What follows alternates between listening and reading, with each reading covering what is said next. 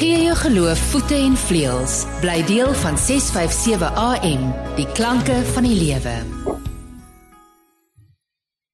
Inderdaad, dit is so 'n wonderlik wonderlike inisiatief naamlik om uh, van daardie uh, gebruikte sporttoerusting uh, wat nou in die kas iewers lê en stof vergader en baie keer mos in die motorhuis, die hele wêreld is vol van die goeders. Kinders is uit die huis uit of daar nuwe apparate intussen gekom om dit beskikbaar te stel vir mense wat dalk nie toegang tot daardie apparaat het nie. So neem asseblief 'n uh, inisiatief vrymoedigheid uh, sommer praat met die bure en uh, maak sommer 'n groot uh poging daarvan. Dis 'n wonderlike voorreg om saam met te kuier. My naam is Janie Pelser. Hierdie program se naam is Perspektief. Ons is op die senders van Radio Kansel. Mpo is die persoon wat vir ons die tegniese versorging hanteer. Groot dank aan hom en uh, ons luisteraars aan die een kant, ons medewerkers aan die ander kant, uh, ons gaste vir wie ek nou aan die woord gaan stel. Baie dankie dat ons gaan saamkuier oor Suid-Afrika. En Suid-Afrika is inderdaad 'n muurnes van bedrywigheid veral wanneer dit by die politieke toneel kom. Nietemin, ek sê nou ietsie daaroor. Onthou net dat die programme van Radio Kansel ook hierdie een as 'n potgooi beskikbaar is by www.radiokansel.co.za. Soek maar net vir perspektief eweneens ons naweek aktualiteitsprogram en uh, daar gesels ons ook oor dinge wat sommer baie belangrik is en naby aan die leefwêreld uh van uh, nie alleen burgers van Suid-Afrika nie, maar ook Christene in die besonder en natuurlik naby aan die leefwêreld kom en uh, probeer perspektiewe in die verband uitdeel. Die uh, gedagtes wat uitgespreek word is nie noodwendig die van Radio Kansel nie, maar ons gesels lekker oopkop eerlik met mekaar. Ons huiwer nie is omdat ons weet dat ons luisteraars uh, dan hierdie inligting neem en hulle eie gedagtes daar rondom formeer uh, ons is mos nou alles volwasse mense dan nie. So wonderlik dat ons kan saam kuier. Nou, ek gaan uh, eers my gaste aan julle voorstel en dan sal ek die tema op die tafel plaas alhoewel julle nou al weet uh, watter tipe temas ons graag hanteer hier in die program perspektief. Ek begin graag by professor Wannie Karstens uh wil seker maak dat ons mekaar kan hoor. Hy is buitengewone professor in Afrikaanse taalkunde aan die Noordwes Universiteit. Dis altyd 'n heerlike voorreg om saam te kuier. Professor Wannie, goeiedag. Welkom. Baie dankie. En vertel so ietsie van wat in u wêreld en in u lewe tans aan die gebeur is. Janie, ek hoop jy kan my hoor. Ehm uh, die krag is maar bietjie wisselend die een in die Kaap. Ek weet nie wat dit is nie. Ons het gedink dit is goed. So as ek verdwyn, moet julle weet ek sal weer terugkom. Dankie vir die geleentheid en dis lekker om Piet aan die ander kant en Roland te sien. En ek hoop ek weet nie eintlik wat ek wat ek moet saampraat nie, want ek is maar taalkundige. Hulle is die kundiges oor die onderwerp.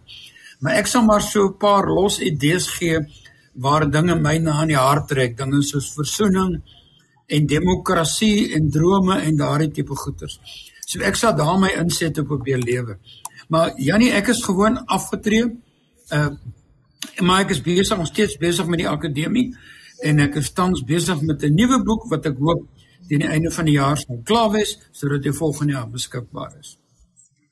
Baie baie dankie. Sterkte en seënwense. Dankie vir die saamkuier. Dan uh uh, uh professor Piet Kroukamp, hy uh is mede professor by die Noordwes Universiteit. Uh hy is 'n uh, uh, lektor in politieke studies, internasionale verhoudinge en 'n klomp ander dinge. Ek weet nie of ek nog raakvat nie, uh, professor Piet, dinge verander so vinnig. Uh vertel 'n bietjie vir ons oor die eie lewe wêreld en en besig wees asseblief. Ja, Janie, ek is ook so ten dele betrokke by die uh, universiteit se besigheidskool en uh, ek is nou eintlik so 6 maande op studieverlof. Dit beteken maar net ek sien die klas nie, maar al die ander dinge gaan nog steeds aan. en dan as ek by die besigheidskool is dit uh, maar my werk om uh, om uh, gesprekke, moeilike gesprekke met mense te voer. En ons leef ons in 'n land waar moeilike gesprekke dikwels middelpunt fietende kragte veronderstel. Wel, die idee is daar mekaar beter te verstaan, beter verduidelikings te gee en uh, nader mekaar te kom om die werklikheid beter te verstaan. So uh, ek weet nie of ek daarin slaag nie, maar ek ek probeer. Probeer regtig regtig baie hard. Baie baie dankie. Dis aangenaam om saam hier te kuier. En dan Roland Henwood in Huisverbond Universiteit van Pretoria. Hy is 'n dosent in politieke wetenskap, self 'n politieke wetenskaplike in eie reg. Roland, dankie dat jy saam kuier. Vertel so ietsie van jou eie besig wees gedurende hierdie tyd. Goeiemôre Janie, baie dankie en ook môre aan Wannie en Piet. Ehm um, ek dink Wannie is heeltemal te terughoudend as hy sê hy is net 'n taalkundige, hy het baie ervaring en kennis van dit waaroor ons praat, dit weet ons almal. Ehm um, ja, ek is maar met die gewone goed besig. Ehm um, nie nie nie die altyd die hoër ding en ek is skoon jaloers as ek hoor Piet praat van 6 maande studieverlof. Ehm um, hierdie week is eerstejaars oriëntering en ek is totaal daarbey betrokke. En dan het ek nou vir 2 weke in die aande sessies gehad met nagraadse studente wat begin met oriëntering daarvoor. Nou dis nie die die as ek die woord mag gebruik, die glamorous deel van ons werk nie, maar dit is ontsettend belangrik want dit lê die grondslag vir die jaar wat kom en vir baie studente vir die volgende 2, 3, 4 en 5 jaar.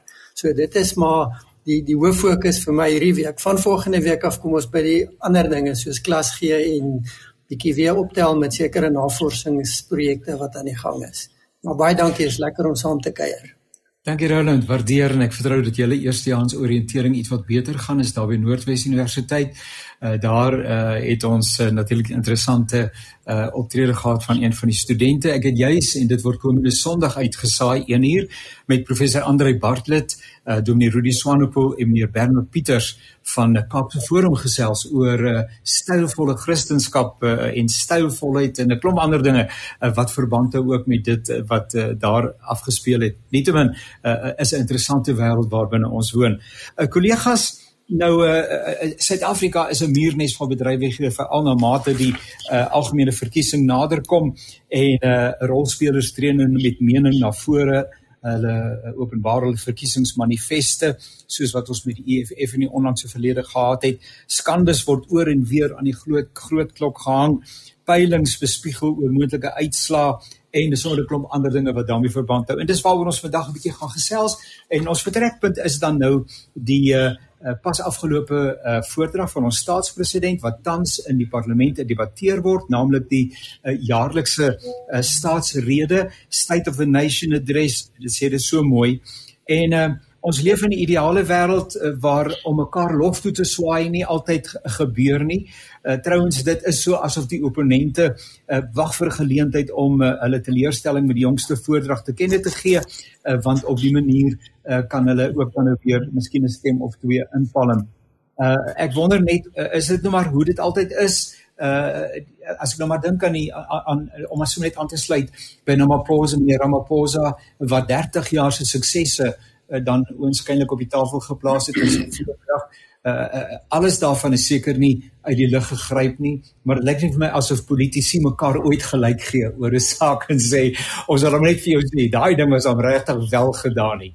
Uh kom ons gesels 'n bietjie oor die staatsrede asseblief, 'n indrukke daarvan en uh en en natuurlik die reaksie ook van politieke partye in die verband. En ek gaan sommer as dit mag vir uh, professor Piet vra om vir ons weg te spring en daarna asseblief kuier heerlik saam. Uh, Janie kan ek miskien net sê voor Piet wegspring. Piet, ek was van Stellenbosch op pad ter strand toe na die toespraak en toe hoor ek jou kommentaar en ek het baie pret gehad met wat jy gesê het. So daarom is dit nou lekker om te hoor wat jy vandag gaan uitbrei daarop, hoor. Okay, nee. Ek is nou onder geweldige druk want jy mag jouself nie herhaal nie. So ek moet nou 'n nuwe storie.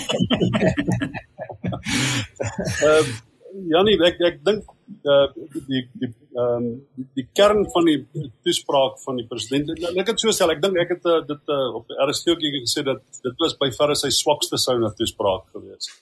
Uh, ek dink dit is uh, vir 'n variasie van is, maar die heel belangrikste rede vir my is ek onthou in 2018 dink ek was dit toe die president sy heel president Ramaphosa sy heel eerste souna toespraak gemaak het.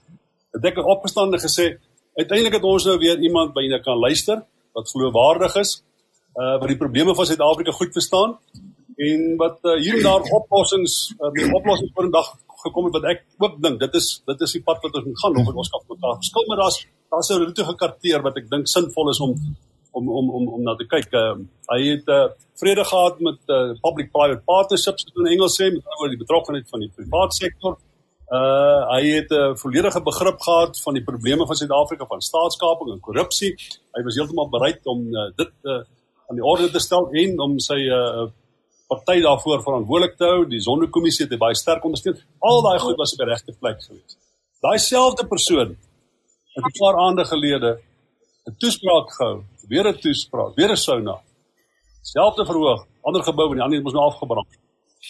En jy kon nie 'n enkele woord glo wat hy sê nie. Wat het skeef geloop intussen? Hoekom en wanneer hy iets sê, dan is dit wanneer hy iets sê wat jy dink Miskien is dit daar korrek, is dit soos 'n blinde hoender wat 'n mieliepit raak pik. Jy wil hom amper nie die krediet daarvoor gee nie. Jy wil dink dis toevallig.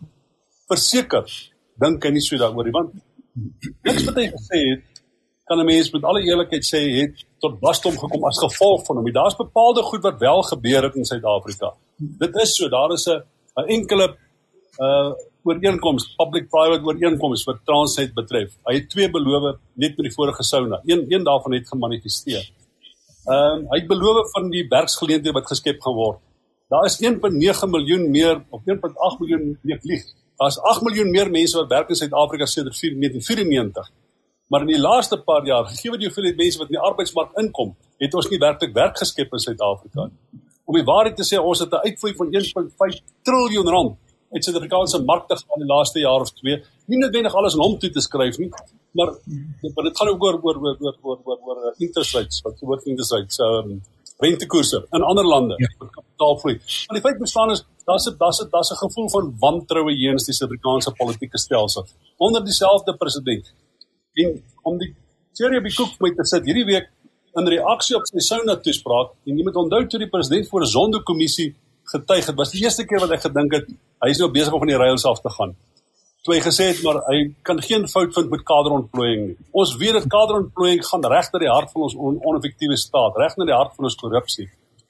En hierdie week in reaksie op sy Souna sê Gweri Mantashe ons sal aangaan met kaderontplooiing. In dieselfde week wat die grondwet hof gesê het julle moet die kaderontplooiing dokumentasie oorhandig want ons het nog 'n uitspraak daaroor gemaak nie maar hulle dink nie alleen is dit goed vir openbare belang dat ons af ons weet wat aangaan nie maar regter Zondo homself het gesê hy dink dit is ongrondwetlik die ANC van Ramaphosa staan op in 'n aksie sy toesprake sê ons sal aangaan met daai aksie wat ons gediskrediteer wat gelei tot korrupsie wat gelei tot die verval van die Suid-Afrikaanse regering wat die geweldige skade berokken wat ten dele verantwoordelik is vir die 34% 43% mense in Suid-Afrika wat wat werk. Dis vir die uitvloei van kapitaal uit die ekonomie die wantroue wat daar bestaan in die private sektor ons sal daai praktyk sal ons weer forceer ons sal aangaan daarmee. Ek het hom gehoor. wat het dit geloop in hierdie hoeveelheid jare wat hy daar gesit het hoekom sê ons nou dit van hom terwyl ons soveel verwagtinge gehad het in 2018 Roland en uh, uh, so in in lyner opmerkings asseblief en ook ehm um, Provani. Ja, Pieter herinner my nou in 2018 met daai Sauna toespraak as ek reg onthou was ons saam in die RSG ateljee gewees. Dink so ja. En uh, het gelig wat sê hieso is 'n staatsman, dit was 'n staatsman toespraak en hier's hoop vir die toekoms. En ons was weer verlede week saam in die ateljee gewees en ons het mekaar net die kop geskit en gesê wat gaan hier aan? En en ek dink dit vat saam die die die die die die ontnigtering wat in Suid-Afrika deur alles inloop. En daai ontnigtering is besig om 'n verlammende effek te hê op wat in Suid-Afrika en sy mense gebeur. President in die moderne geskiedenis van Suid-Afrika wat al ooit so gediskrediteer in die parlement ingestap het om 'n toespraak te maak. Absolute laagtepunt. En en en as ons dan kom by die toespraak self. Daar's nie 'n probleem om te sê ons het oor die afgelope 30 jaar hierdie prestasies behaal en en baie dinge het in Suid-Afrika verander. Natuurlik betwis dit nie. Maar as ons begin ontleed dan is die veranderinge wat hy in die mandjie vir 30 jaar gooi. In die afgelope 15 jaar is daar niks bygevoeg nie.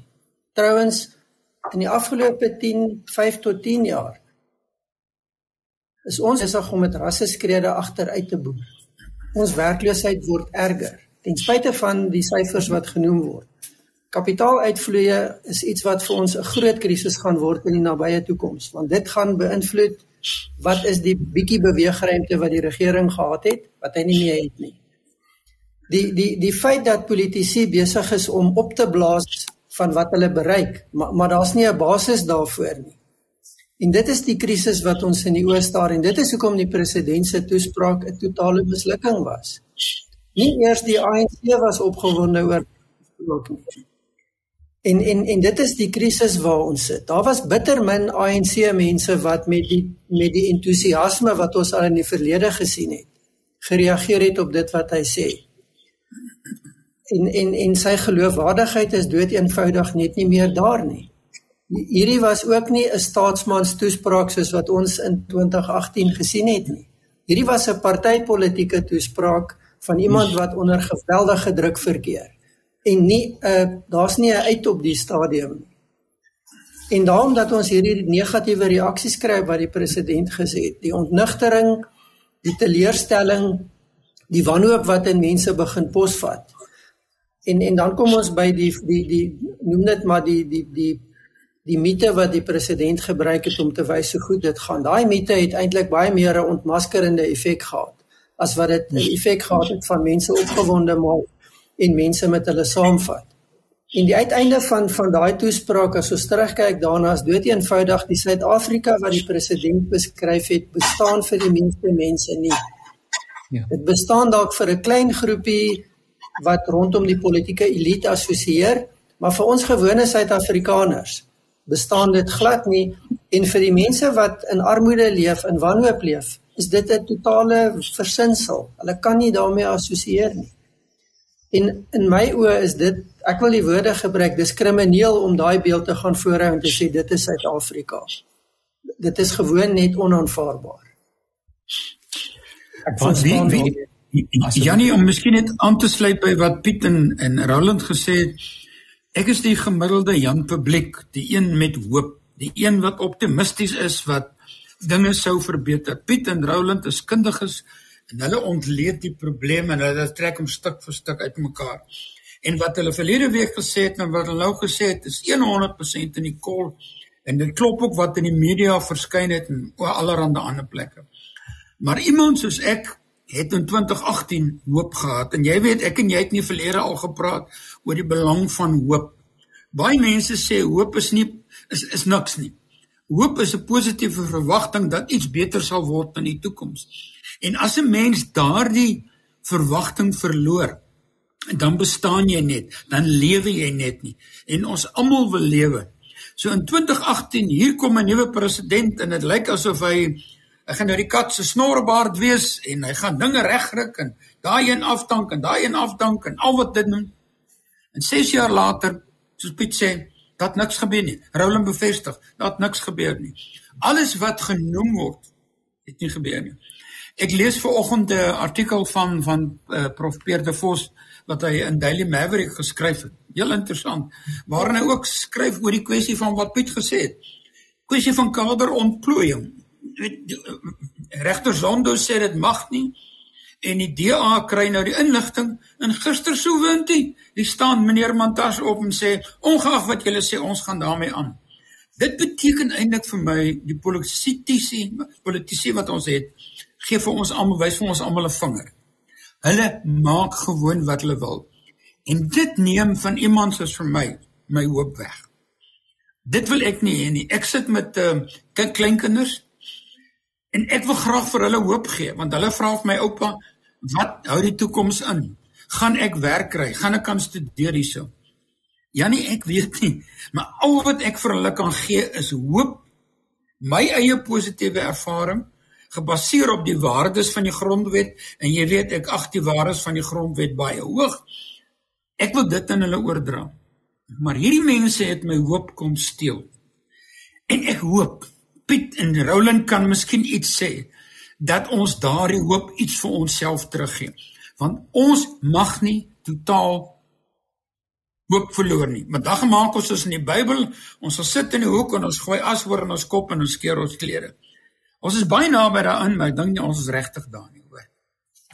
Nou ja, ek dink uh, ons het uh, direk na die president se voordrag uh, en sy beloftes rakende energievoorsiening uh dit was sy woorde was en koud nie en toe ons weer terug by fase 4, 5 en 6 en uh, ons hoor ook hoe dat die elektrisiteit die energie uh 'n bietjie inspel op ons die kwaliteit van ons gesprek, 'n uh, tegniese kwaliteit, maar ons gaan uh, onverpoost voort. Roland het gesê dat 'n bietjie uitdagings by die universiteit, maar ons vertrou uh, dat ons mekaar sal kan deursien wat hierdie sessie betref. Uh, dit was nog 'n interessante moment, maar hoe dit uiteindelik gebeur het, die uh fiktiewe karakter Tinzaltswalu, as ek dit reg sê, wat ons staatspresident, die na-demokratiese uh dogter, 'n dame uh, wat hy toe so geskets het en vir wie die lewe toe in die woorde van Psalm 16 uh, sê uh, mos nou net daar in die tweede helfte sê die meetsnoer het vir my in lieflike plekke geval. Nou vir haar het die meetsnoere in lieflike plekke geval, maar die ouens wat agterna gereageer het en en, en ek kon dit nou nie raak blaai nie want uh, prof uh, Wannie het 'n stukkie geskryf oor die dame. Uh, ek wens ek kon dit net vir ons voordra. Ehm um, maar oor die werklike uh omgewing waarbinne Tinsualu haar waarskynlik op hierdie stadium bevind. Kan ons ietsie oor sê oor hierdie interessante beweging uh, wat hy uitgevoer het en hoe dit eintlik geboomerang het? Weet julle is die kundiges in hierdie verband. Onthou ek ek verstaan wat die president probeer doen het. Jy weet uit uh hy wil graag 'n positiewe beeld gee vir die mense hier buite en sê julle sê dit gaan so sleg. Kyk net. Ons het hierdie avatar of wat dit ook al wil noem, persoon geskep wat sê, "Nee, julle is almal verkeerd, dit gaan so goed." Nou Janie, dis valse hoop. Dis valse hoop. En die in die realiteit wys dit nou uit. Ek kyk gister in 'n uh, in 'n in 'n in 'n spotprent in een van die koerante waar die president sit en werk en skielik hier kom sien swale ingestap en sê ek soek werk. Dis die groot ding. So ons het valse hoop gekry. Ek hoor graag wat Pieter Roland hieroor sê. Ja, Janie kyk, ehm um, Miskien is daar iets in Sale. Ek weet daar daar is ek ek neem aan daar is verseker iemand wat daai pad loop en uiteindelik die sukses behaal. Hoewel ek moet vir jou sê om uh, uit die Tibet College uit te stap, uh 'n werk in te stap by jy 'n kar kan koop en 'n goeie blyplek kan kry en onmiddellik na jou ouers ook te kom sien. Dit klink 'n bietjie selfs vir die heel positiewe scenario wat jy kan bedink in Sale klink dit selfs 'n bietjie ver gesog ek ek ek dink daai individue is verskriklik min wat daai pad loop. As die president integriteit gehad het of hy geprobeer het om of hy probeer het om argumente voer met integriteit, sou hy gesê het dat die meeste van ons mense uh by graad 10, veral in die Vrystaat, dan verlaat hulle skool. Want uh die hoop beskaam en die mense wat matriek gemaak het, moenie verwag om noodwendige werk te kry nie. As jy 'n graad het, het jy baie beter kans, maar jy hoef, ons het by die Universiteit van uh, Noordwes Universiteit ek ek ek staan ek, ek, maar jy kan my korrigeer as jy is. Ek dink 140 000 aansoeke gekry en ons vat nie eens 10 000 nie. Ons vat baie minder as dit. So wat word van die ander 100 000? Uh van dit by ander universiteite aansoek gedoen, maar al die universiteite het 100 000 aansoeke en hulle vat 5 of 6 000. Daar's ergens 100 000 mense wat gekwalifiseer vir 'n universiteit wat gedink het hulle die befondsing wat groot verwagtinge gehad het wat ons weggewys het wat waarvoor daar nie plek is nie. So die, die werklikheid is dat Suid-Afrika 'n land geword waar daar is nie die geleenthede wat 'n mens nie wat dit vir jou moontlik maak om menswaardige bestaan te voer nie. 43% van mense as jy dien sê wat reeds opgegee het op werk soek. Uh het eenvoudig nie 'n werk nie. Uh ons het ons betaal 12 miljoen uh toelaas uit 18 miljoen toelaas uit 12 miljoen mense. Okay, dit die president het dit toevallig in sy toespraak verkeerd gekry. Hy sê ons betaal 18 miljoen mense toelaas, betaal 18 miljoen toelaas en 12 miljoen mense. Dis nie dieselfde verskynsel nie. Hy het so 'n paar feite foute gemaak die president. Wanneer jy begin eh, die die die detail in jou toespraak begin uh, uh vatbaar word vir, vir verkeerde interpretasies. Uh as jy nie eers kan kry mense sê gaan deur my toespraak en maak seker my feite is reg nie dan uh, dis dis eintlik 'n baie slegte teken. Dis 'n verskriklike slegte teken. Swak toespraak uh met feite foute en is net dit dit is net verskriklik. Maar enigheid so die die die werklikheid in Suid-Afrika is is is vir vir baie mense is dit is dit 'n bitter werklikheid. En die ding begin nou, daar's nou amper ek wil amper die woord bracket creep noem. Die middelklas, die laer middelklas begin nou ook geweldig swaar kry. Uh mense wat nie hulle karre kan betaal nie, mense wat nie meer waar jy vroeër in 'n billike behuising kon bly met jy nou in 'n in 'n in 'n in 'n bester woonstel intrek of in 'n kleiner woonstel intrek. Uh ek het die ander dag met 'n dominee gepraat. Hy kan eenvoudig nie al drie sy kinders op universiteit bekostig nie. Sy gemeente kan hom nie die salaris betaal wat hom moontlik gemaak om drie kinders op universiteit te. Hy kom by my en ek moet vir jou sê, ehm um, uh die mense wat my flip bys help my dikwels om uh befondsing te kry vir sulke mense. Ehm uh, dit word net al hoe moeiliker en uiteindelik gaan dit net die elites wees wat uh, wat 'n behoorlike bestaan kan voorkom. Ek die, die die ding van die wat my meeste geplaag van die toespraak, die president op 'n stadium toe toe koggel hy die privaat sektor. En wie wie is die laaste persoon wat dit gedoen het? Jacob Zuma. Toe koggel hy die privaat sektor sê gee my my pen. Waar is sy pen? Ek wil teken. Hier is die mense wat die probleem het met nasionale gesondheidsorg. Dis die private sektor wat sê maar ons is nie behoorlik geraadpleeg met die ding. Kom ons praat weer. Hulle sê nie gee dit af nie. Hulle sê kom ons voer 'n gesprek sodat daar vir ons almal 'n leefruimte in hierdie ding is sodat ons dit wat goed is kan behou en dat ons kan verbeter dit wat 'n probleem is. Dis dis die dit is wat die private sektor vir hom sê. Hy koggel hulle dit te sê waar's my pen ek wil teken. Dit is nie 'n president nie. Dis dis 'n apparaatsie. Dis nie 'n president nie. En as as die president het ook 'n ding gedoen wat dit dikwels by die EFF hoor. Hy sê ehm um, whether you like it or not whether you like it or not we will do this. Wat wat sê dit vir jou van die feit dat daar 'n openbare mening kan wees wat jy moet gebruik en verdiskonteer voordat jy beleid formuleer? Dit is die eerste tekens. En jy kry dit by die EFF hulle sê dit die hele tyd. Wanneer by grondhervorming kom en nasionalisering van banke dan gebruik hulle daai introductory sentence. Sê whether you like it or not. Die president begin is die tweede keer wat ek hom hoor in toespraak te sê whether you like it or not. Dit is die tekens van 'n mens wat uit die beesgaard op 'n autoritaire manier wil gebruik om 'n bepaalde posisie te handhaaf so nie alleen is die president ongeloofwaardig nie. Nie alleen om bitter min van dit wat hy sê tot wasdom. Hy begin die lingua franca die taalspel opneem van dit wat ons wat verkeerd was in die verlede, dit wat ons nie weer wou gehoor het nie. Ons moet by die hoop uitkom 'n bietjie later en uh, ek wil nou nou vir julle vra waar lê die hoop dan nou? Uh, maar, maar maar maar Roland die verwysing nou na die pen, uh, ek weet nie of meneer Ramaphosa die pen nou aan die hande gekry het nie. Baie mense hoop dat hy die pen vir altyd weg is. Uh, maar is dit 'n verkiesings ehm uh, um, foefie, ek wil nie die woord gebruik nie, maar uh, die die die die die moontlikheid van goeie wat nie bestaan nie, maar dis wat wat aan publiek hoor vir al die landelike gebiede, gesondheidsorg wat toeganklik is, wat vergelykbaar is met die private sorg wat jou niks gaan kos nie. Uh is dit nie maar die manier waarop uh die ANC besig is om sy verkiesing verkiesings uh strategie in te rig nie? Dit is gedeeltelik op die verkiesing gerig, maar ek dink nie ons moet die fout maak om dit te onderskat en te sien as net verkiesingspolitiek nie. Hierdie is die ideologiese hart van die ANC. Met ander woorde, die wese van die ANC sentreer om die beginsel en die beginsel is nie, ek sê dit reguit, is nie goeie gesondheidsdiens nie. Die beginsel is beheer. En die ANC het 'n verbeter versigtiging na beheer. En as ek dit terugbring na die president se toespraak, dan is dit die wesenlike probleem dat die president het 'n mite geskep om te wys hoe goed is die ANC en dit as die waarheid gaan verkondig.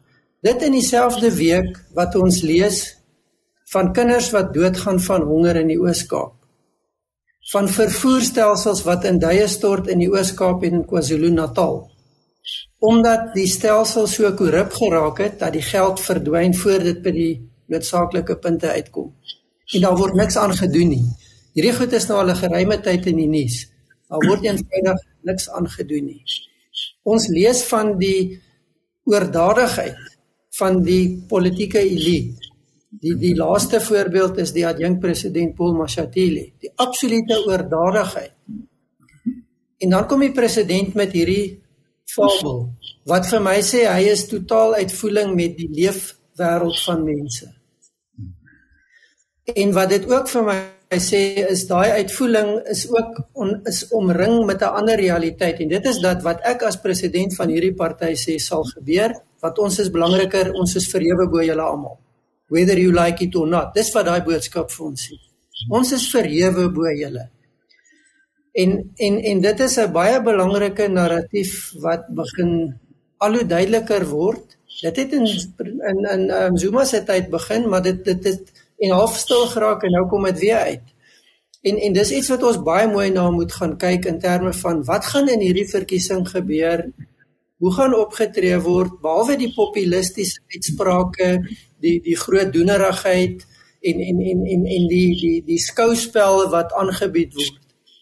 Wat gaan in die verkiesing self gebeur? Om hierdie moontlikheid 'n realiteit te maak.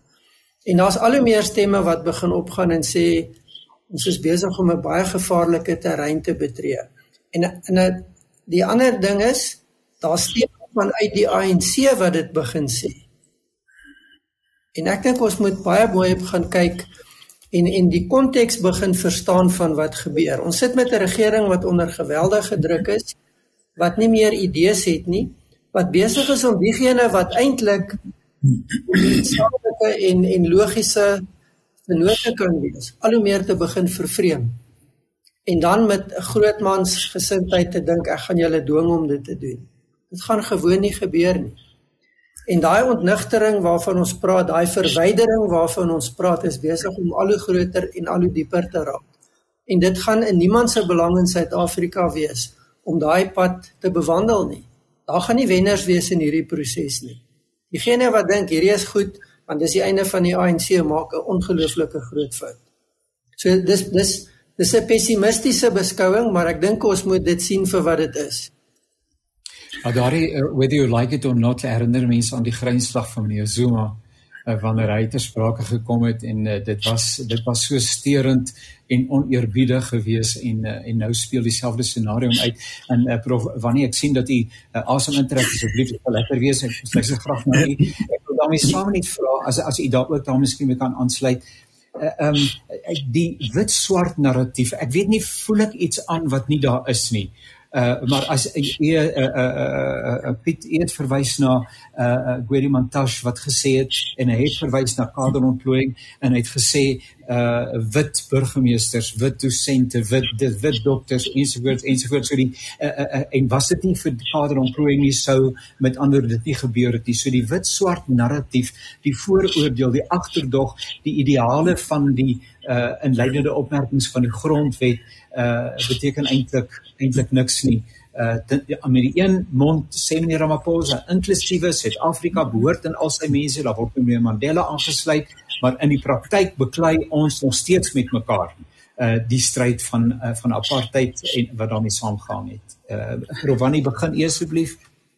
Janie, ek dink alles hang saam met ook ons verstaan van die begrip demokrasie.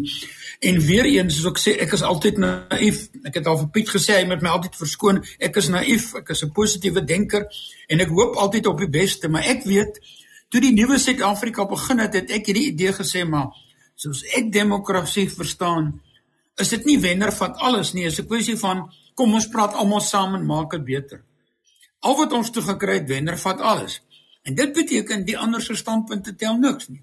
En nou het ons hierdie interessante gevalle Daar's navorsing gedoen, grondige navorsing. Ek het 'n paar weke nou geluister oor op RSG se gesondheidsprogram oor hoe die ouens uitpak dat hierdie nasionale gesondheidsversekering nie haalbaar is nie. Navorsers, groot name, wêreldwyd aangehaal. En ek kyk wat in die in in Brittanje in die in die NHI gebeur. Maar dit tel nie 'n punt nie. Die mense wil nie nou eens luister nie. En dan wonder ek en ek is amper bang om dit te sê, is dit miskien omdat die grootste beswaar uit die kant van die witter gelede kom? Ek weet nie, ek weet nie. En 'n mens kyk na die statistiek van die sensus en die wit mense word minder. En ons weet ons is in Afrika. Afrika is nie 'n plek vir sissies nie. Maar uiteindelik wil ons graag saam in hierdie land woon en in mekaar in die oë kyk. Jy weet Janie, as ek so rondgaan, ek gaan winkel toe waar ook al gaan, is daar ongelooflike welwillendheid onder die mense, wit en swart en bruin. Almal is lief vir mekaar. Maar ons leiers hou ons uitmekaar. Daar is altyd 'n stok in die wiel wat gesit word. Dit is vir my jammer en, en dan skielik kry mense wat selfs 'n positiewe bydrae wil lewer, 'n etiket om die nek. Dan get eintlik niks meer te sê nie. Hou jou mond, jy was bevoordeel in die verlede. So, ek was miskien naïef ek hoop nog iets van demokrasie kom waar. Ek was nou uh, pas 3 uh, maande in België vir 'n bietjie navorsing. En uh, ek het eers te kyk, hulle begin ook nou weer met 'n plaaslike verkiesings. En daar is die wenparty het 627%. Dit beteken hierdie ouens moet gaan saam sit en roer met mekaar tot hulle een vind wat werk. Dit vind dis die demokrasie waarvoor ek gehoop het. Maar in Afrika het ons die wenner vat alles. Dit is 'n dilemma en dit soos ek gesê Jannie, dit steel ons hoop. Hoe erg gee hoe gee ons dit vir die mense terug? Miskien het Piet en Roland voorstelle in hierdie verband. Jannie, ek wil net terugkom na daai argument wat jy gemaak het oor wat Berry Montasio gesê het. Ek dink eh, wat ja. wat my plaas is wanneer 'n uh, 'n politikus oor kan my sit en dink ek het een breinsel wat ek gebruik om my oë te knip. Die verwysing die vir uh, niemand in Suid-Afrika het 'n probleem met regstellende aksie nie. Ons aanvaar dit as dit behoorlik in behoor, in terme van die wet en grondwet gedoen word. Niemand van ons, ons almal verstaan dat swart bemagtiging moet plaasvind. Maar swart bemagtiging regstellende aksie sê nie kaderontplooiing. Dit sê dat die beste swart persoon moet aangestel word vir daardie taak. En kom ek sê nou vir jou, die meerderheid Suid-Afrikaners wil ook baie graag hê dat die beste persoon moet aangestel word as dit regstellende persoon die beste swart persoon moet aangestel word vir die taak. Dis 'n mite dat daar moet 'n wit staatsdiens wees om 'n goeie staatsdiens te wees. Ja, daar moet net nie 'n kaderontplooide staatsdiens wees nie. Daar's genoeg swart Suid-Afrikaners wat wanneer meriete vaardig is en daar bepaalde wigte en teenwigte in in in en verantwoordelikhede wat duidelik uitgespel is en daar's reëls en regulasies. Daar's genoeg Suid-Afrikaners wat die staatsdiens kan bestuur sonder 'n enkele wit gesig. Weet jy man tas wanneer hy sê die die rede hoekom daar swart mense in die staatsdiens is skaderontplooiing, dan lieg hy vir my in my gesig want dit is nie die rede nie. Hulle het dit verbrong en verbring want die rede moet wees want daar is bestaan daar is klaar wetgewing wat daarvoor voorsiening maak.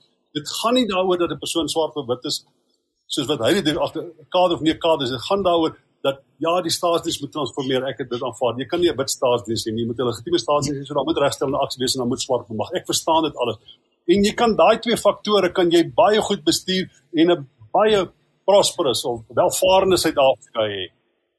Maar jy kan dit nie doen met kaderontplooiing nie. Dan stel jy iemand aan wat opportunisties is, wat skelm is, wat 'n lid is van die party en 'n goeie verhouding het. Dit is 'n totaal ander verskynsel. So, hoor iemand as ek ek ek het al eendag van gesê, hy sal seker nie onthou nie. 15 jaar gelede het ek hy met hom gepraat. Hy sê, "Hoekom stel jy nie die beste swart persoon? Sê, maak 'n wet en sê die staatsdiens mag net swart wees, maar ons gaan net die beste swart persoon aanstel." Ek kan vir jou beloof wit Suid-Afrikaners sal ook op daai gedagte inkom want al wat hulle wil hê is stasies wat werk. They don't care if it's black or white. As die ding moet werk. En weet jy mentas, dink ons is brein dood deur met daai scenario te kom. Niemand het dit gesê nie. Piet net om daarbey aan te sluit te vind 'n jammer Roland uh, Daar's soveel mense in die staatsdiens wat baie goeie werk doen. Ek weet as ek na 'n munisipaliteit toe gaan en ek met my motor se lisensie hernie, dan gaan dit sommer chop chop. Maar die volgende persoon waarmee ek te doen kry, het geen vaardigheid nie en staan aan. Kou kou kou daarso. Dit is die dilemma. So so so so Piet sê is die regte mense in die plek is ons almal dood dollies. Dis die belangrike ding. Roland en nou uh, uh, ook gister het dit te sprake gekom tydens die bespreking wat tans plaasvind uh, en waar die staatsminister Moore sal antwoord uh, die vergadering in die parlement rondom sy voordrag. Um, is is die buiteperd uh meneer Zuma uh en die nuwe gestigte politieke party en die gewaande ondersteuning wat hy sou geniet uh wat volgens die ANC heeltemal oor oordadig en oorskat word en so aan. Kan ons 'n bietjie gesels uh, is dit 'n goeie ding? Ek bedoel kompetisie is altyd goed is dit nie? Maar dan moet jy ten minste seker die kompetisie erken en sê wat leer ek en wat is die narratief wat die kompetisie op die tafel plaas uh, wat ons dalk uh, by ons uh, as as as 'n uh, probleme kan identifiseer en kan aandag gee maar, uh, maar maar maar net aan te sluit by die res van die voordrag dit's dis werklikheidsontkenend en ook wat uh, die gebeure rondom hier Zuma en die nuwe politieke party in in KwaZulu-Natal onder andere en die steun wat hy klaarbliklik reeds nasionaal 9% geniet. Kan ons bietjie iets daaroor sê asseblief Ja, ek dink dis 'n interessante verskynsel en alhoewel die beginsel is dat kompetisie goed is, moet 'n mens versigtig wees waarvoor jy wens wanneer kompetisie jou maatstaf word. Um, ons is besig om weg te beweeg van 'n dominante partytesisteem na iets anders. Wat daai iets anders is, is nog nie duidelik nie, want ons is nie besig om te beweeg in die rigting van 'n inklusiewe ehm um, meer verteenwoordigende politiek. Dis baie duidelik. En die die die risiko wat ons hier sien is dat die tipe politiek wat meneer Zuma bedryf, die tipe politiek wat die EFF bedryf. En en die president het in sy toespraak een of twee van dieselfde tipe goed gedoen. Is 'n baie negatiewe politiek. Dis 'n politiek van verdeel en heers. Dit het dis 'n dis 'n populistiese politiek, maar dit is 'n etniese politiek, is 'n identiteitspolitiek. En dan die onderliggende waarde daarvan is die geweldige dis 'n broedertwis politiek en ons weet dit is 'n baie gevaarlike en 'n baie lelike politiek. So hier's nie mense wat rondom idees 'n toekoms bou nie. Hier is mense wat 'n toekoms bou rondom hulle uitval wat hulle met mekaar gehad. Dis die storie van die EFF, dis die storie van Zuma en dis is besig om die storie van Cyril Ramaphosa te word. is daai veg van verwerping om iets anders te skep en en jou eie belang te dien. En en dit is vir my waar die werklike probleem dan lê. Is die grondslag van hierdie is nie ideaal nie, is nie idealisties nie, is nie 'n mooi storie nie. En die uiteindelike korttermyn doelwit is oorlewing en eie reg en vergelding. En ons weet wanneer dit gebeur dan word die res van die mense vertrap en uitgestoot en word die slagoffers. So ons is in in in in in in die dinamiek wat hiermee saamgaan is besig om in 'n bepaalde rigting te gaan. Nou die persoon wat by uitstek geplaas is om daai dinamiek terug te hou is meneer Ramaphosa, maar dit lyk vir my enerzijds besef hy dit nie sy verantwoordelikheid as die president van Suid-Afrika en in die tweede plek het hy eenvoudig nie die vermoë om daai rol te speel nie en die mense wat om hom geskaar het, wat hom van advies bedien, het nog minder lyk like my van 'n idee van hoe om dit te doen. En, en as ek sê dit is wat kan gebeur, dan is ek nie simplisties idealisties nie. Dit is moontlik. Ons het gesien hoe dit in 2018 gebeur het. Ons het in Suid-Afrika beleef hoe dit in 1994 gebeur het. Selfs meneer Mbeki met al sy gebreke was nogal redelik suksesvol om op tye hierdie rol te kan speel en hierdie momentum te kan hanteer. Zuma het 'n ding losgemaak in Suid-Afrika wat ons nog nie heeltemal ek praat kollektief kan verreken nie.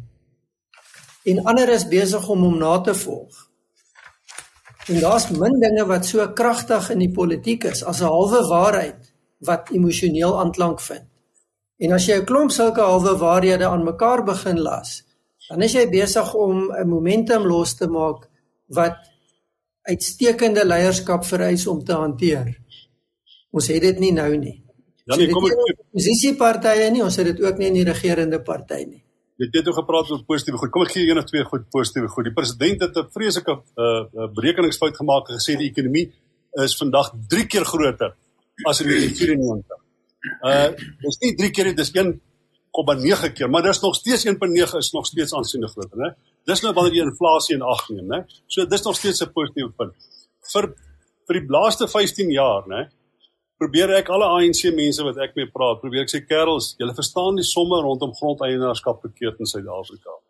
Al munisipaliteite, daar staatsgrond uit die sommetjie uit. Gaan kyk net na landbougrond gemaak 'n som van baie swart mense reeds landbougrond okkupeer en besit en verwerk. Maak 'n behoorlike som. Julle som van 93% uh, grond in wit boere sit. Dit is 'n verkeerde som. Julle gebruik dit vir 'n politieke tool. Nou ons vriend, en die meeste van ons ken vir Wandile Gislop baie goed. Hy sê vir die president, luister man, ons is 'n bietjie voor ons targets om om teen 20, 30, 25% van die grond besit uh oor te plaas na na swart hande toe. My waarheid is ons gaan by 30% verbygaan die president sê my magtig nou ja nou dat jy dit noem. Ja, nee, okay, goed. En hy gebruik dit in sy staatsrede as ons kyk wat ons bereik het. Dit na hulle boere vir 20 jaar getuister het met verkeerde ideologies gedrewe data. Maar die boere Agri SA, Transvaalse Landbou Unie, almal plaas, almal wil sê kerels asseblief, julle kan dit nie as 'n politieke tool teen ons gebruik nie. Die data is nie korrek nie. Hulle het verseg om dit te glo. Nou gebruik hy daai selfde data om met Wandile dit gesê asof dit een van die achievements is, die, dit wat ons bereik het as as die ANC. Dis dis mos nou ek ek is verstom geweest, maar ek is dankbaar dat uiteindelik is daai gesprek want dit gaan die gesprek op die die die onteiening van grond verlig. Deur die ANC sien hy gaan nie die oor die die meterhede en die grondwet te verander en grond onteien sonder vergoeding nie. Praat die president, hy het nie eendag gepraat van grond onteien sonder vergoeding. Dit was in al sy vorige toesprake die hele tyd voorgekom. Hy het data genoem wat bevestig dit wat landbouorganisasies reeds van sê. Dit moet ek erken. Dit is dit is inderdaad 'n groot stap vorentoe. Daar's ander klein goedjies ook. Die, die regering het daarin geslaag om erns 3. something miljard rand bymekaar te maak vir die sogenaamde missing middle wat uh, meer mense gaan toela, toe uh, toegang gee tot tot tot uh, akademiese onderwys. Ek is ek ek ek, ek is nie heeltemal seker op my my spuite presies reg gesê, maar is baie naby aan 70% van ons studente is nou al NSFAS studente. Met ander woorde, ons is baie afhanklik daarvan die staat hierdie studente lenings beskikbaar maak en daai studente is baie afhanklik daarvan dat die staat die lening beskikbaar maak vir hulle om toegang te hê tot tersiêre onderwys. Wel, mens moet sê dit dit ek ek ek ek onder ek moet dit ondersteun. Ek is ook ten gunste van die idee van van nasionale gesondheidsorg wanneer dit onderhandel word met die private sektor. Ek dink uiteindelik uh, sal daar 'n vorm van helderheid kom. Want die president weet hierdie ding gaan na hof toe gaan. Ek dink daar sal helderheid kom en ons sal 'n beter balans kry. Ek is nie een van daai mense wat dink hulle gaan hierdie ding teken en hulle gaan ons gesondheidsorg onder die water intrek nie. Daar's net eenvoudig te sterk stemme. En ek ek is redelik seker en as jy met hierdie ouens praat sê hulle man, ons het nog 'n oor by die president. Ons het nog 'n oor by bepaalde ons het nog 'n oor by, by, by minister Gonongwana het ons nog 'n oor. As jy wil weet want die ANC op pad is en ek dink die prentjie gaan dan effens meer positief wees in een opsig. Met ander woorde, die rigting waarna hulle is gaan meer positief wees, maar die vermoë, die finansiële vermoë om dit tot uitvoer te bring gaan dan gaan dalk nou uiteindelik in rou voor ons lê. Dit gaan nie 'n mooi prentjie wees nie. Maar minister Gonongwana gaan vir ons sê die 21ste, daar's nie geld vir nasionale gesondheidsorg nie en hy gaan vir die president sê as jy 'n wet teken waarvoor jy nie 'n begroting het nie, is dit vir jou eie politieke rekening want hierdie ons gaan vir jou hof toe vat daaroor. Daar is nie 'n begroting vir dit wat jy wil doen nie. So die werklikhede dink ek is nog daar. Dit dit kan nog posvat en ek dink dit kan ons ons kan uiteindelik beter afwees. En dan die heel belangrikste ding is natuurlik as ons vir Suid-Afrikaners 'n alternatief kan bied. As hulle opstaan die dag wanneer hulle moet gaan stem en hulle sê ons wil nie vir die ANC stem nie, maar wat is ons alternatief? En nou is daar nie 'n alternatief nie. Die DA is nie 'n alternatief vir swart Suid-Afrikaners nie. Elke ander party het 'n etniese identiteit of 'n of 'n bepaalde identiteit wat hom wat hom maak dat dit nie universele belang is vir mense nie. Miskien Raism Zanzi dink ek is iets anders. Miskien staan Suid-Afrikaners daai oggend op en hulle sê vir hulle self daar is 'n alternatief vir ons. Ek dink daar is nou meer alternatiewe as ooit tevore. Of mense dit gaan opneem, dis moeilik om te sê. Maar daar is werklik werklike kans dat ons die ANC by die punt gaan kry dat hy dat hy weer minder as 50% kry soos in 2021. En ek dink dis 'n baie goeie ding, want 'n demokrasie is net 'n demokrasie wanneer dit mededingend word. En ek dink daai punt van mededinging is nou besig om in te tree. Ek waardeer dat ons uh, begin om 'n bietjie op 'n hoopvolle vlak ook te beweeg en ook positief. Uh dis ook belangrik en uh ek wil maar net sê dat uh, professor Piet gesê het hy moet iewers vertrek en ek wil dit vir hom uh, toelaat uh so hy kan bly bly as wie so lank as wat hy kan, maar ek verstaan as hy moet hardloop en, en ek waardeer opreg dat u saamkuier. Kan ek dan nou terwyl daarvan dat u uh, nou nou moet vertrek, by u begin en dan uh, dan die ronde deur uh prof Wannie en dan by Roland uh, dan ons gesprek eindig en ons het ook so ons het so 3 4 minute daarvoor. Ehm um, 'n lady hoop dan uiteindelik benewens al die die positiewe goeders wat jy gemeld het uh, professor uh, Piet uh daarby dat uh, die kieserspubliek ehm um, wanneer die datum aangekondig word uh, by die by die stembus sal aankom en dat hulle ingelig sal wees. Uh, ek is bekommerd oor die oor oor die volwassenheid van ons kiesers as ek luister na die narratief van byvoorbeeld iemand soos meneer Malema en hy en hy sê ons gaan 9 miljoen nuwe werksgeleenthede skep. Ons gaan alles nasionaliseer uh, en alles wat daarmee saam en so aan en ons gaan die grond teruggee sonder vergoeding en dit klink asof mense glad nie verder dink nie. So is die mense wat uiteindelik die verskil gaan maak is hulle polities in staat om dit te doen want die massas wat die krisis moet trek is tog maar ons swart kollegas. Nee Jana, ja Janie, ek dink jy verstaan. Onthou jy moet 'n onderskeid maak tussen wanneer politici as idioote gedra en die die redes oor hoekom mense stem vir wat hulle stem. Daar ja. is nie so ding soos 'n dom mens wat gaan stem uh uit onkunde nie. Mense gaan stem om bepaalde belange. Jy kan sê miskien jy het jou belange verkeerd identifiseer, maar mense het goeie motiverings vir hoekom hulle gaan stem. En die, kom ek gee vir jou 'n idee. Ek praat baie keer met wit sakekamers en wit boere sê, "Maar jong, die swart mense sal altyd vir die ANC stem." Dis nie kom so van die swart mense waarvan jy nou praat. Met ander woorde, kom ek neem aan jy praat van almal wat mag stem in Suid-Afrika. Almal wat eligible ja. is, né? 18 ja, tot 108. Ja, ja. Watter van daai mense het in 2021 vir die ANC gestem? Wie min mense besef dat dit 12% mm -hmm. Swart Suid-Afrikaners staan nie op daai dag op en gaan stem vir die ANC nie. Swart Suid-Afrikaners se primêre probleem is as jy nie vir die ANC stem nie en ons het gesien die laaste verkiesing het hulle weggebly op groot skaal. Net 46% van geregistreerde kiesers het gaan stem. Die verre meerderheid mense het gesê ons bly weg en onthou net in Suid-Afrika, iemand wat wegbly van 'n stembus, doen dit nie omdat hy niks te sê het nie, hy het baie te sê. Ja. So Swart Suid-Afrikaners het reeds gepraat. Al wat hulle vir ons sê is gee vir ons 'n alternatief. Swart Afrikaners glo nie meer die EFF wat sê ons gaan vir julle 9 miljoen werksgeleenthede skep nie. Ons gaan die banke na so. Hulle weet dit gaan nie gebeur. Hulle is nie idioote nie. Hulle as dit die waarheid was sou hulle gaan stem met op groot skaal vir die EFF. Maar hulle het laas 10.8% van die stemme gekry toe daar 'n laaste persentasie was. As daar 'n 55 stem persentasie was het die het die uh, EFF weer onder 10% gedip. Hoekom? Omdat mense en as jy hulle vat van die eligible vote dan praat jy van 2 en 3%. Ja. Hoekom? Omdat mense glo hulle nie wanneer hulle seker goed praat. Ons moenie op loop gaan en dink wanneer politici hoor wat soos idioote praat dat die mense is ook idioote. Ons glo nie alles wat hulle sê nie. Swart Suid-Afrikaners glo nie wat politici vir hulle sê nie. Dit is die ANC se probleem. Niemand glo hulle meer nie. Niemand het nog ooit die EFF geglo nie. Dis 'n klein persentasie mense wat vir ander motiverings gaan stem vir die EFF.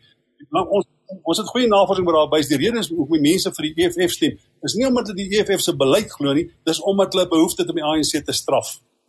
That's a very very different thing. Dit maak sin vir my. Enigus. Baie dankie. Hy's my Janie, baie dankie jy gevra het. Uh ek is 'n groot groot groot fan van Roland. Ek dink altyd as ek net agter hom aan praat, dan word ek min of meer reg te wees. Wanneer wat deur ek moet gaan. Lekker met jou. Professor baie baie dankie. Ons waardeer die deelname. Ons kuier weer saam met mekaar. Uh, eet letterlik 1 minuut en ek maak groot verskoning dat die tyd uitgeloop het, maar ons gaan dit opvolg. So Prof Wannie, 1 minuut, 'n samevattende hoopvolle gedagte. Uh, Janie, miskien het Piet teen die einde vir ons daai klein bietjie hoop gegee dat daar 'n alternatief sou kom. En al wat ons kan hoop is dat op die stemdag die mense stem vir die alternatief kom ons hoop dit dat ons volwasse kiesers kry wat besef tyd vir verandering is nodig. Professor Vannie Karstens en hy's buitengewone professor in Afrikaanse taalkunde in Noordwes Universiteit onder andere baie baie baie dankie. Roland is die veelparty pakt of uh, wat dit ook al genoem word, is dit 'n alternatief en sal die mense betyds wakker skrik uh, asof hulle ook aan die verkiesing gaan deelneem. Ek dink dit is deel van die alternatief. Ek gaan nie sê dit is die alternatief nie. Ons is nog nie op daai punt nie. Vir my belangrik is dat as ons hierdie gesprekke voer, dan moet ons waak teen een ding en dit is om alles te verpolitiseer. Ek dink ons het die vermoë in Suid-Afrika verloor om politiek in sy plek te plaas en te hou. As ons dit doen, gaan ons klaar ander perspektiewe hê. As ons dit doen, dan maak ons die deur oop vir die ander goed wat ons dan nie raak sien nie wat nie polities is nie en dis die goed waar die hoop lê want daar's baie stories van hoop en gebeure in Suid-Afrika. Ons word vasgevang in die narratief en op sleeptou geneem in die narratief van partytetiese gebeure. En dit is belangrik, maar dis nie goed nie. Saam met dit en ons het dit gesien gebeur met breedweg wit Suid-Afrikaners na 94 is om staatsafhanklikheid so ver as moontlik te verminder en meer en meer mense begin dit doen. Beste voorbeeld, sonkrag. Mense is selfs mense wat nie welvarend is nie in die plattelandse gebiede skep al 'n eie alternatief. Dis 'n storie van hoop want dit beteken ek is nie uitgelewer aan politici nie. En daai is die die saadjies wat gesaai word wat 'n Suid-Afrika skep wat besig is om te vorm maar is nog nie daar nie. Daai saadjies ontkiem nog. En en dit is vir my die storie van hoop vir die toekoms. Radio Kansas se luisteraars, kom ons gaan leef vandag stories van hoop, lewens van hoop. En dit is Roland Henwood Universiteit van Pretoria, politieke wetenskaplike. Baie baie dankie aan u vir die deelname, ons meningsvormers en baie dankie ook aan ons luisteraars en baie dankie ook aan Paul vir die tegniese versorging van hierdie program. As die Here ons spaar volgende week, dan kuier ons verder. Dit gaan so lekker en aangenaam wees en stimulerend. Tot 'n volgende keer, alles alles wat mooi is. Totsiens. Gee jou geloof voete en vleuels. Bly deel van 657 AM, die klanke van die lewe.